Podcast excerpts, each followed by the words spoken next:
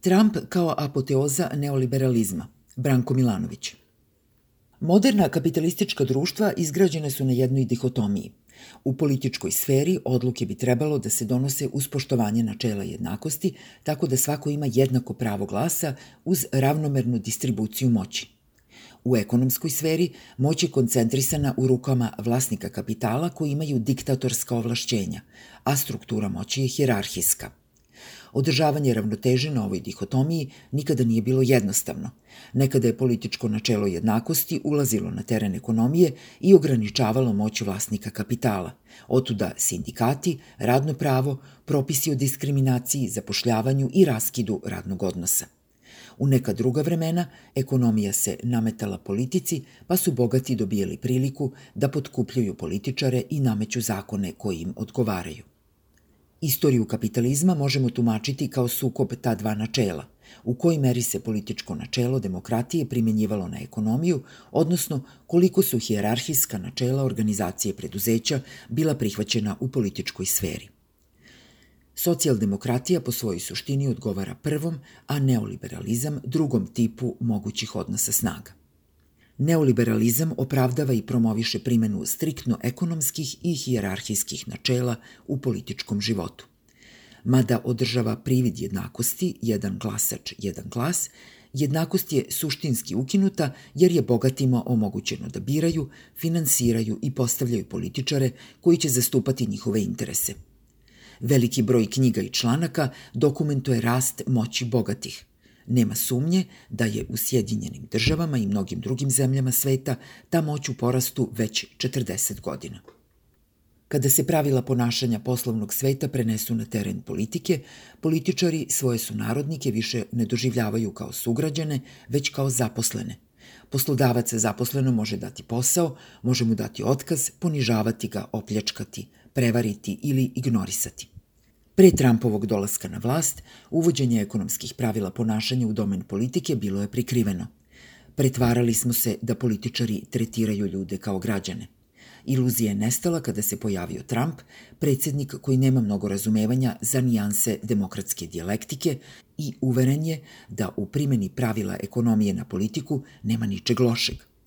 Kao čovek koji dolazi iz privatnog sektora, iz sveta kockarnica – izbora za mis sveta i nekretnina, gde su gusarska pravila igre široko prihvaćena, on zastupa ideju, a neoliberali ga u tome podržavaju, da politički prostor i nije ništa više od ekstenzije ekonomije.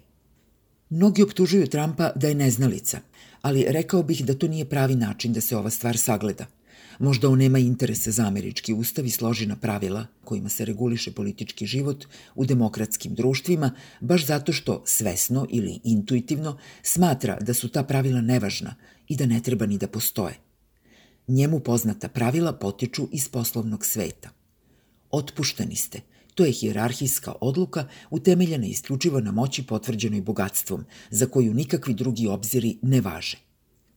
Uvođenjem ekonomskih pravila igre u domen politike, neoliberali su naneli veliku štetu javnosti donošenja odluka, pa i samoj demokratiji. Mnoga društva su pala na niske grane, niže čak i od zemalja kojima upravljaju koristoljubivi despoti. Obrazlažući poznatu podelu vladara na razbojnike lutajućeg i sedelačkog tipa, Mansur Olson prepričava anegdotu o sicilijanskom seljaku koji mu je objašnjavao zašto je despotska uprava jednog čoveka najbolje rešenje.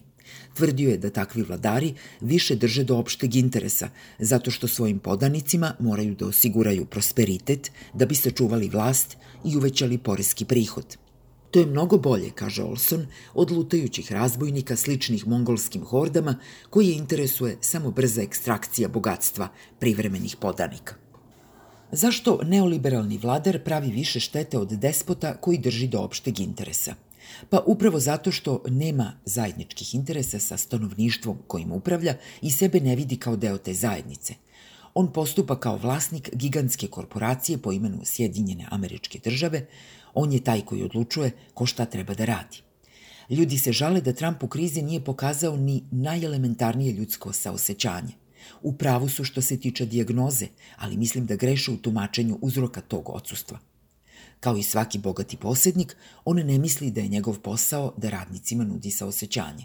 Njegov posao je da deli zaduženja, da smanjuje troškove smanjivanjem plata kada se ukaže zgodna prilika, da tera radnike da rade više ili im deli otkaze bez otpremnina. U svom odnosu prema sugrađanima on samo dosledno primenjuje na polju politike pravila kojima se godinama rukovodio u vođenju svojih poslova. Trump je najbolji đak neoliberalizma zato što svoja neoliberalna načela i ne pokušava da sakrije.